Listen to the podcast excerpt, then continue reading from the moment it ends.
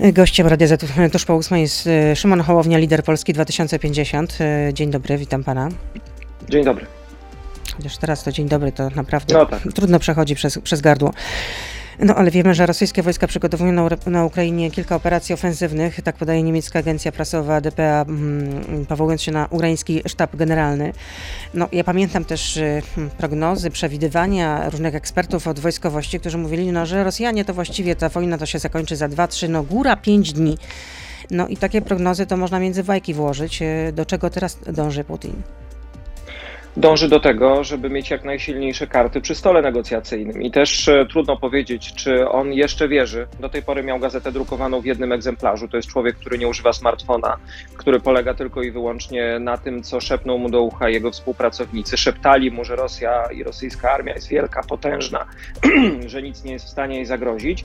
Wyszło jak wyszło i jaki jest stan, to widzimy choćby po tym, jak zawiesza kolejnych generałów, aresztuje szefów wywiadu e, i pewnie na tym czystki się nie skończą. Natomiast ja nie wiem, czy on dzisiaj, wiedząc jak wygląda sytuacja, myśli jeszcze o totalnym zajęciu całej Ukrainy i jej okupacji, czy już tylko wypracowuje pozycję przy stole negocjacyjnym, żeby po serii jakichś zwycięstw, zajęć miast, e, przełamań frontów, e, móc usiąść przy stole i powiedzieć: Dobrze, siedzę przy tym stole z pozycji siły, teraz negocjujmy, ja mogę ustąpić, bo mam z czego taka opcja jest możliwa, natomiast widać, że po pierwsze atakuje zachodnią Ukrainę. Te ataki na Żytomierz, na e, obwód lwowski, na Równe, mm, to już nie jest tylko i wyłącznie wojna na południowym froncie e, czy na froncie wschodnim tej wojny.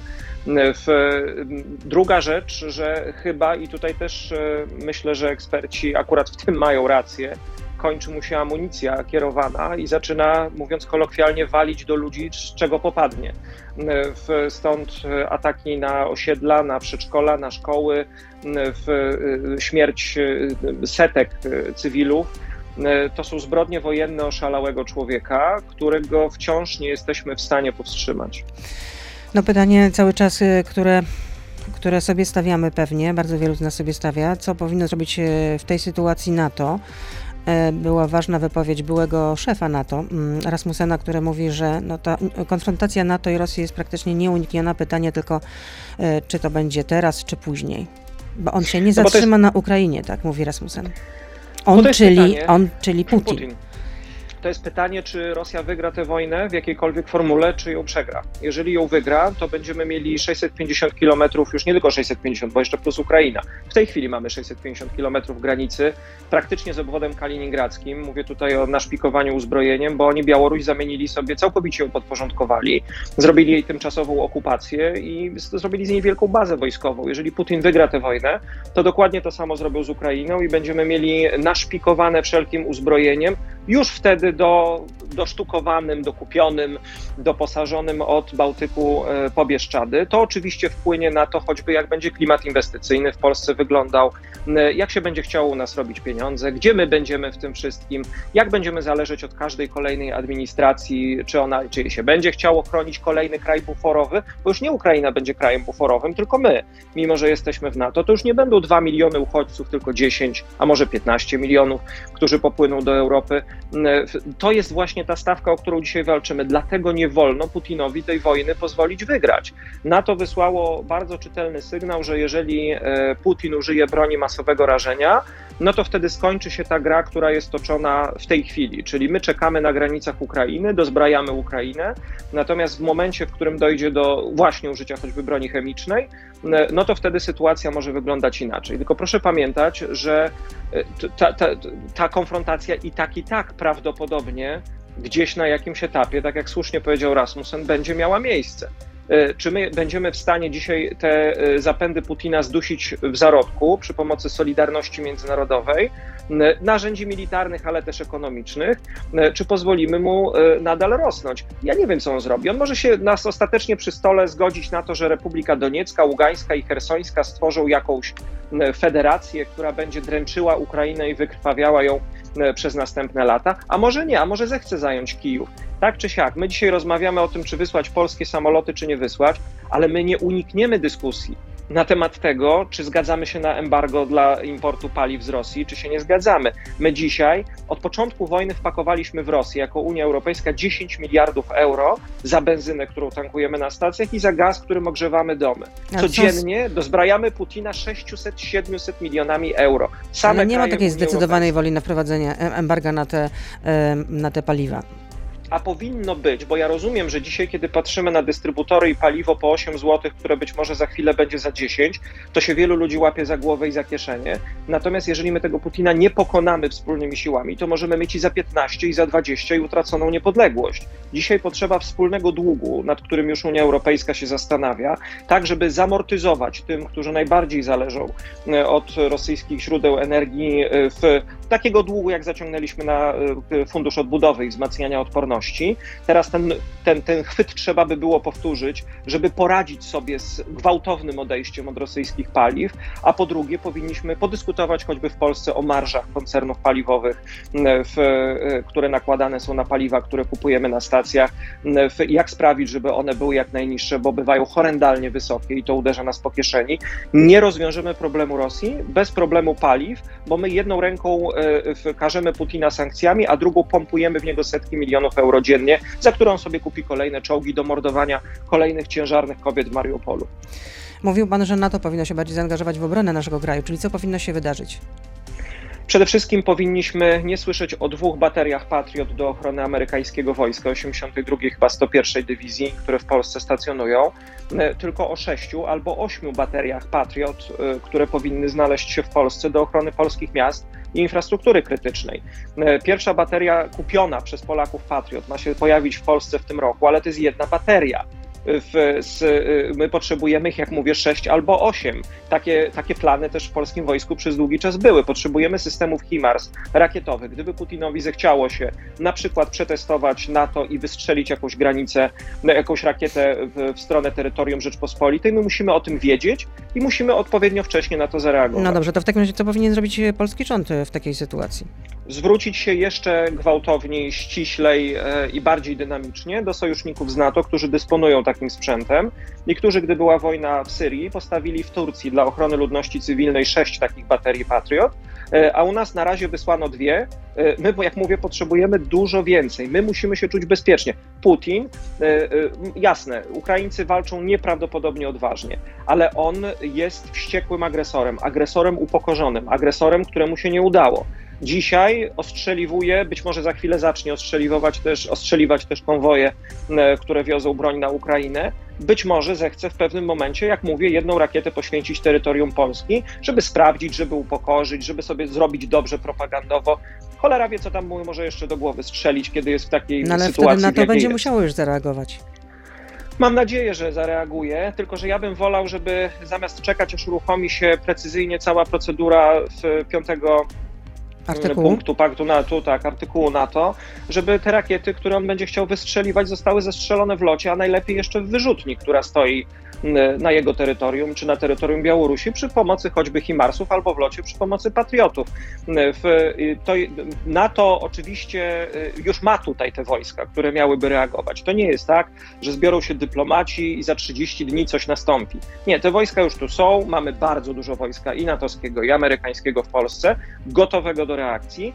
Natomiast po drugiej stronie jest przeciwnik toczący wojnę bez żadnych konwencji, bez żadnej przewidywalności i w niestabilnym stanie, nie chcę powiedzieć psychicznym, ale na pewno w niestabilnej sytuacji decyzyjnej. On został tak upokorzony, że bardziej nie mógł. Oligarchowie y, sparaliżowani strachem y, zaczynają jednak y, powoli zastanawiać się, czy to Dolce Vita, które mieli do tej pory, jego utrata czy to jest wszystko tego warte, do czego on ich prowadzi. Ta decydująca o wszystkim grupa 20% rosyjskiego społeczeństwa, e, bo to nie 70% tam decyduje, to decyduje te 20%, które w tej chwili potraciło wszystko. To są ci, którzy nie są obywatelami Szwajcarii, tylko jeżdżą na wakacje do Szwajcarii. Też się zaczynają rozglądać, co tu się tak naprawdę dzieje. On jest przyciśnięty do ściany, a przyciśnięty do ściany ranny zwierz może reagować w nieprzewidywalne sposoby.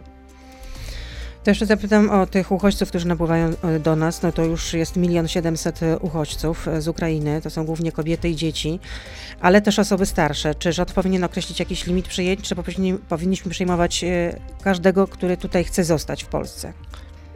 Jeżeli zaczniemy przyjmować limity, to witamy się z rzeczywistością, w której trzeba będzie na pewnym etapie rozdzielać dzieci z rodzicami na granicy i mówić: Przepraszamy, drogie dziecko, wiemy, że płaczesz, tu masz misia, ale ty wjeżdżasz, a mama zostaje. No do takiej sytuacji po prostu dopuścić nie możemy. Nie stać nas na to, też po ludzku.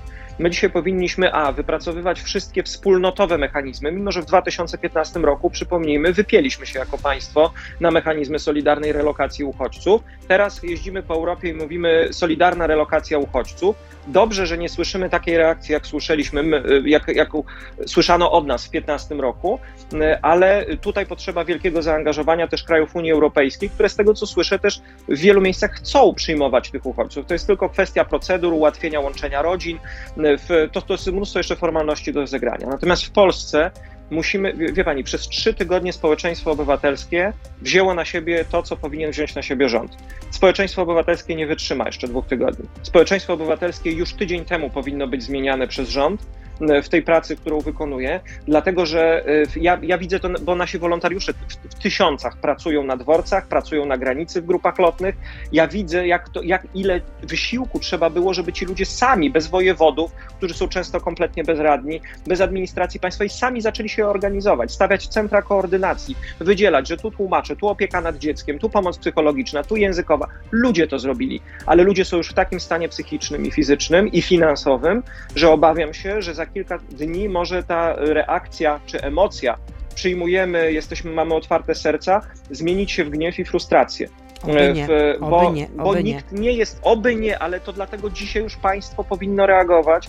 I ja też w moich rozmowach z najwyższymi czynnikami państwa mówię, ludzie, to jest jeszcze tydzień na to, żebyście się ogarnęli, bo dzisiaj mamy kryzys humanitarny, a za 2-3 tygodnie możemy mieć katastrofę humanitarną. Kryzysem jesteś w stanie zarządzić, katastrofą nie. I dzisiaj trzeba uspokajać obywateli Rzeczpospolitej, pokazując im mądre, sprawnie działające państwo, które radzi sobie z tym problemem, bo oni problemów dzisiaj już mają i tak pokorek, patrząc na stacje benzynowe i na swoje raty kredytu.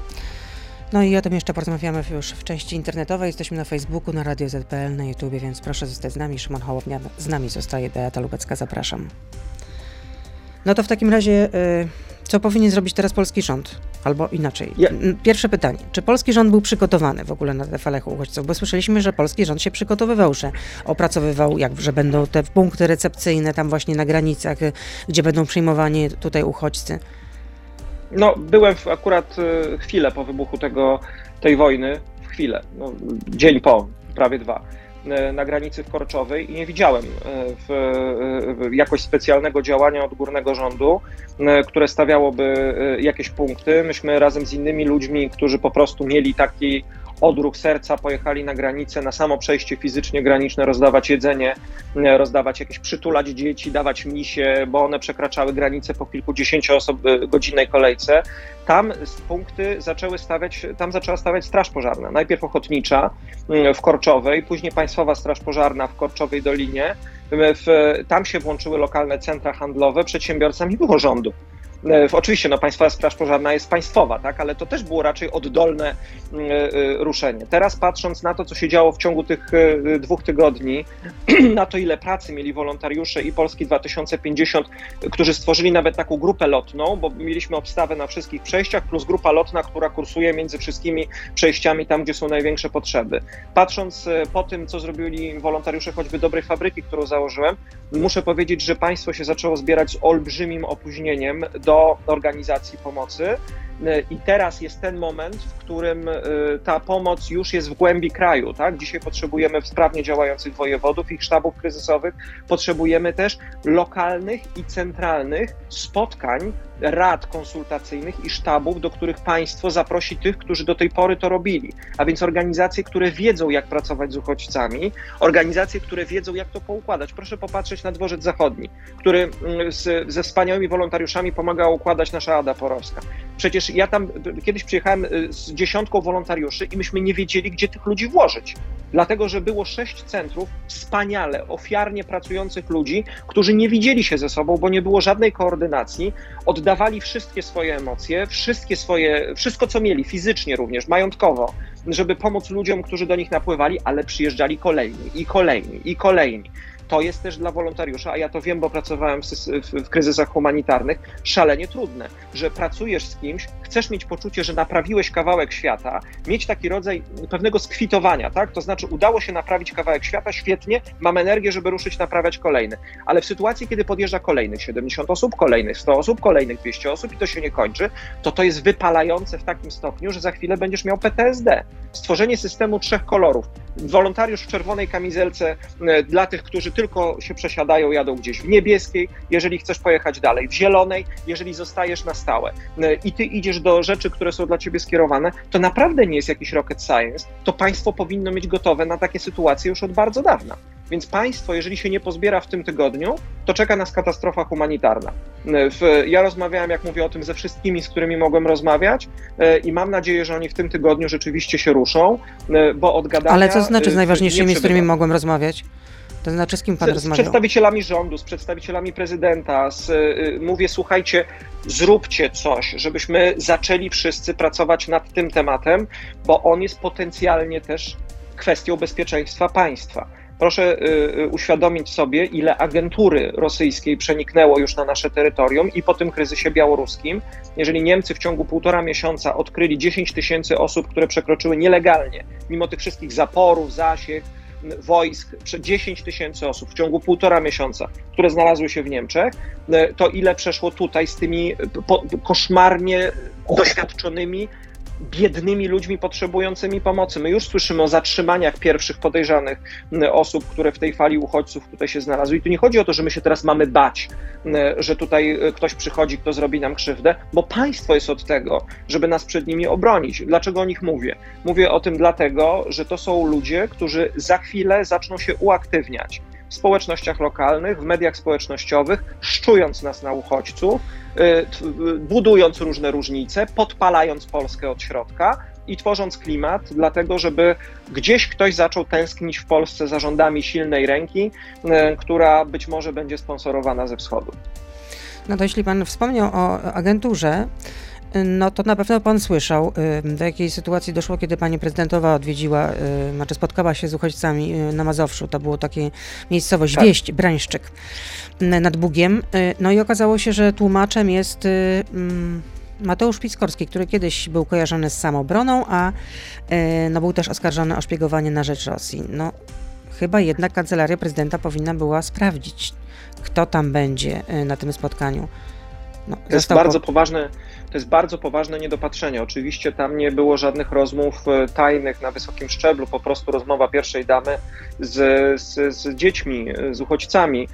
E, tam nie było jakichś tajnych, klauzulowanych treści z tego, co się zdążyłem zorientować, to tam cykl, że tak powiem, wydarzeń był taki, że y, była żona, czy obecna żona, nie wiem, pana Piskorskiego jest wolontariuszką w tym ośrodku w Brańszczyku i zaproponowała księżom czy siostrom, nie wiem, kto tam to prowadzi, to jest kościelny ośrodek, zaproponowała, że, że zna kogoś, kto zna rosyjski, no i przed pan Piskorski. Trudno winić tych księży, no bo oni naprawdę nie, nie muszą znać wszystkich szpiegów w Polsce, nie ma obowiązku czytania gazet, no my możemy czytać, wiemy, ale nie, nie wszystkie nazwiska musisz zapamiętać. Nie ma co winić pierwszej damy, no bo ona też Bogu ducha winna, skąd ona miała, te, też nie musi mieć całej tej wiedzy.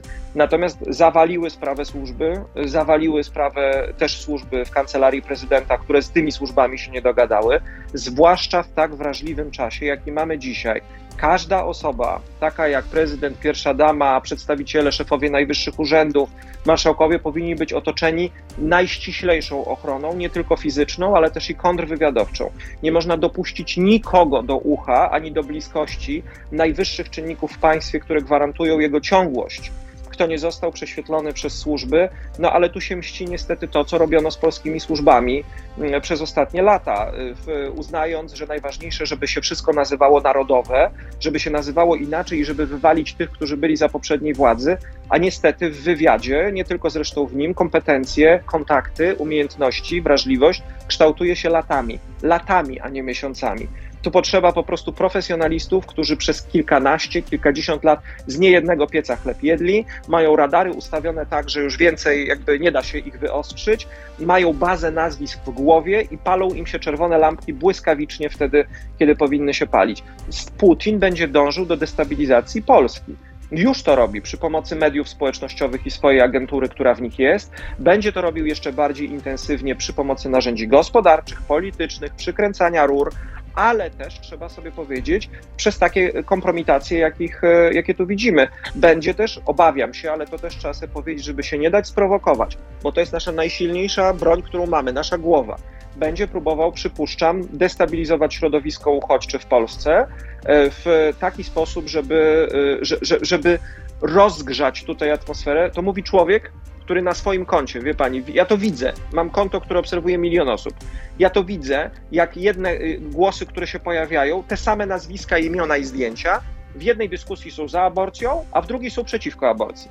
Widzę, jak są przeciwko szczepionkom, na przykład, choć nie wszyscy oczywiście, to nie mówię o wszystkich, którzy są przeciwko szczepionkom, natomiast ten przepływ został już zbadany przez naukowców, a nagle stają się prorosyjscy. A nagle zaczynają mówić, y, że poddają wątpliwość, że te obrazki, to, to jak było z kwestionowaniem Holokaustu. To się dzieje w Polsce setkami i tysiącami już kont, które u nas pracują. Y, Putin nie musi na razie wystrzeliwać żadnej rakiety w naszą stronę, żeby z nas zdestabilizować, a my nie możemy mu po prostu jak Jasio z pierwszej klasy się podkładać. Jeszcze jest pytanie od słuchacza. Robert pyta, czy w obecnej e, sytuacji odbędzie się debata liderów? Miała być 21 marca. Dzisiaj będziemy decydować. Zgodnie uważamy i Władysław Kośniak-Kamysz i Włodzimierz Czarzasty i ja, że nie ma teraz miejsca na jakieś wielkie wydarzenia polityczne. E, poszukamy jakiejś formuły wspólnego działania w tym czasie, tak żeby, żeby zaznaczyć, że że chcemy, chcemy razem działać i myśleć o tym, żeby taką debatę w przyszłości przeprowadzić. Natomiast dzisiaj jesteśmy umówieni na konsultacje, bo też ta rzeczywistość jest bardzo dynamiczna. W nie, my też mamy głowy dzisiaj w innych miejscach, tak? Znaczy, to każdy z nas dzisiaj pracuje nad tym, żeby jak najlepiej nasze ruchy pracowały na rzecz e, tych, których do Polski przyjmujemy. Zastanawiamy się, co zrobić, żeby bezpieczeństwo Polski na wszystkich wymiarach również tym ekonomicznym, bo proszę zobaczyć, co się dzieje, już o tym wspominałem, na stacjach benzynowych, w kredytach, w inflacji. Jeżeli Glapiński mówi, że będzie 12, to będzie być może 17. No.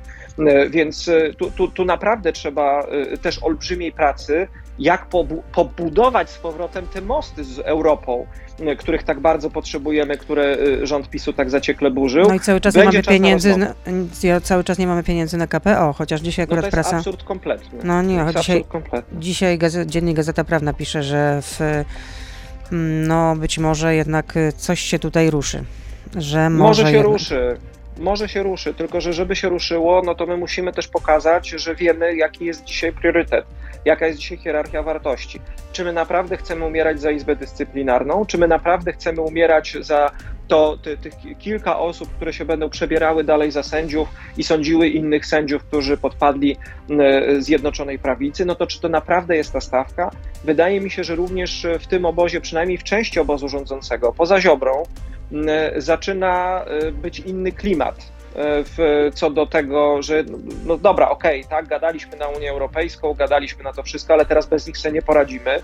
Musimy spróbować jednak pójść na jakieś kompromisy. Zobaczymy, no testem będzie oczywiście, testem będą te ustawy, w, które, które w ilości czterech leżą, leżą w Sejmie. Czterech, na co się zgodzi trzech? Unia Europejska? No tak, no bo jest Ziobry, e, prezydencka, ASTA, rządowa i prezydencka. No to Więc moim zdaniem są cztery. No, no. prezydencka, rządowa, w Solidarnej Polski jeszcze jest jakaś. No, no dobra, to trzy. No. Nawet jeżeli są trzy. Wydaje mi się, że są Klubu cztery, Prawa ale... i Sprawiedliwości. Czyli no, ASTA, tak? No tak, to wtedy jest, ale nie, rządowa przecież oprócz, oprócz projektu ASTA, więc są cztery. E, natomiast to, jak to zostanie przepracowane, pokaże nam też, jak daleko dzisiaj rząd e, jest gotów ustąpić w tej kwestii, która w ogóle nie powinna, nie, powinno być żadnego sporu, tak? To znaczy, możemy się zgodzić na to, że ma być jakaś izba odpowiedzialności zawodowej. Okej, okay, potrzebna jest to zgoda, ale tam nie mogą zasiadać niesędziowie. Być może trzeba zgodzić się na propozycję PSL-u, a więc wprowadzić tę siedmioletnią karencję dla sędziego, który miałby w takiej izbie zasiadać. Być może trzeba ją zupełnie inaczej skomponować. Co do idei zgoda, co do tego, że mają tam zasiadać niesędziowie nie, 270 miliardów leży na stole. Samo przewalutowanie tych pieniędzy na złotówkę, w, jak wpłynie y, dzisiaj na stabilność złotego tego, której tak bardzo potrzebujemy. Nie dostaniemy już zaliczki, e, bo to już przepadło, ale możemy zacząć e, wydawać te pieniądze jak najszybciej. O właśnie, tutaj koledzy mi podpowiadają, że jest Justicja, AST, Solidarna Polska i Lewica. Więc tych projektów jest aż pięć. A nie wiem, czy pan czytał taką analizę w Gazecie Wyborczej, z której miałoby wynikać, że prezydent Morawiecki i, mm, przepraszam, premier Morawiecki, premier Morawiecki, prezydent Duda mają czuć miętę do Hołowni PSL-u. Mnie już czasami y, nie starcza podłogi, żeby na nią mogły mi z cichym szelestem opaść ręce, jak y, y, czytam różnego typu pomysły, które lęgną się, zakładam głównie w środowiskach zaprzyjaźnionych z nami przecież bardzo gorąco różnych partii opozycyjnych, które jak nie udało im się zepchnąć nas pod próg, wymyśliły, że zrobią to opowiadając, że jesteśmy ukrytym koalicjantem PiSu. To są absolutne brednie, bzdury, że nie ma żadnych planów, żadnej koalicji z PiSem, to jest wszystko wyssane z palca. E, ja nie mogę Ale gdyby były wcześniejsze wybory na przykład. No nie, no błagam, jak my możemy iść na jakąkolwiek koalicję z PiSem, wiedząc, to wszystko, co wiemy o tym, co PiS zrobił, mając taki program, jaki mamy, w, powiedziawszy to wszystko, co zostało powiedziane, zupełnie inaczej patrząc na rzeczywistość, nie ma takiej możliwości. Podkreślam to ze wszystkich możliwych sił. Nie ma takiej możliwości. To ja nie wiem, y, oczywiście nie odpowiadam za to, co dzieje się w umysłach i młodzieńczych sercach y, y, y, polityków prawicy, czy oni do kogo czują miętę, ku komu mają skłonność. E, zdarzały się w historii nie tylko polityki głęboko nieodwzajemnione uczucia. E, no i jeżeli ktoś czuje miętę, no to dostanie czarną polewkę akurat w tym względzie. E, w, nie ma takiej możliwości. Natomiast trzeba też zauważyć, i to trzeba odnotować dla porządku, że postawa prezydenta Dudy na przykład w ostatnich tych dniach mocno się zmieniła.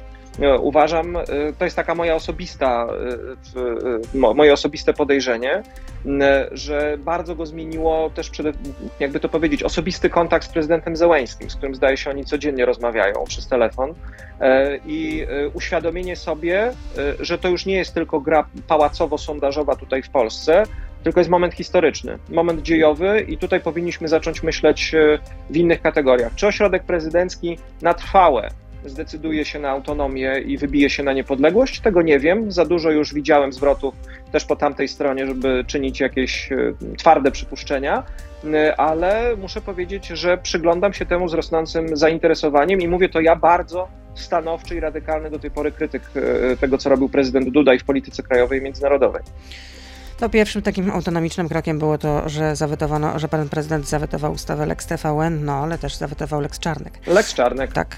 Dziękuję prosiliśmy bardzo. Prosiliśmy go o to. Tak, tak, prosiliśmy go o to i to się sprawdziło. Natomiast ostatnia rzecz, nie za szybko z tymi myślami o tym, że tu jest jeden front Dudo-Morawiecki, nie za szybko z tymi, to, to, to tak nie wygląda tam w środku. E, myślę, że e, też przed nami e, bardzo poważna przebudowa polskiej sceny politycznej po tym resecie, który zafundował nam Putin. Za miesiąc pewnie wynurzymy się na powierzchnię i zobaczymy, co z tego wszystkiego, co dzisiaj, czego dzisiaj doświadczymy, co, jak to wszystko wpłynie na sytuację nie tylko zewnętrzną, ale wewnętrzną Polski. Dziękuję za to spotkanie. Szymon Hołownia, lider 2050 był z nami. To był gość Radio Z. Słuchaj codziennie w Radio Z i na player radioz.pl.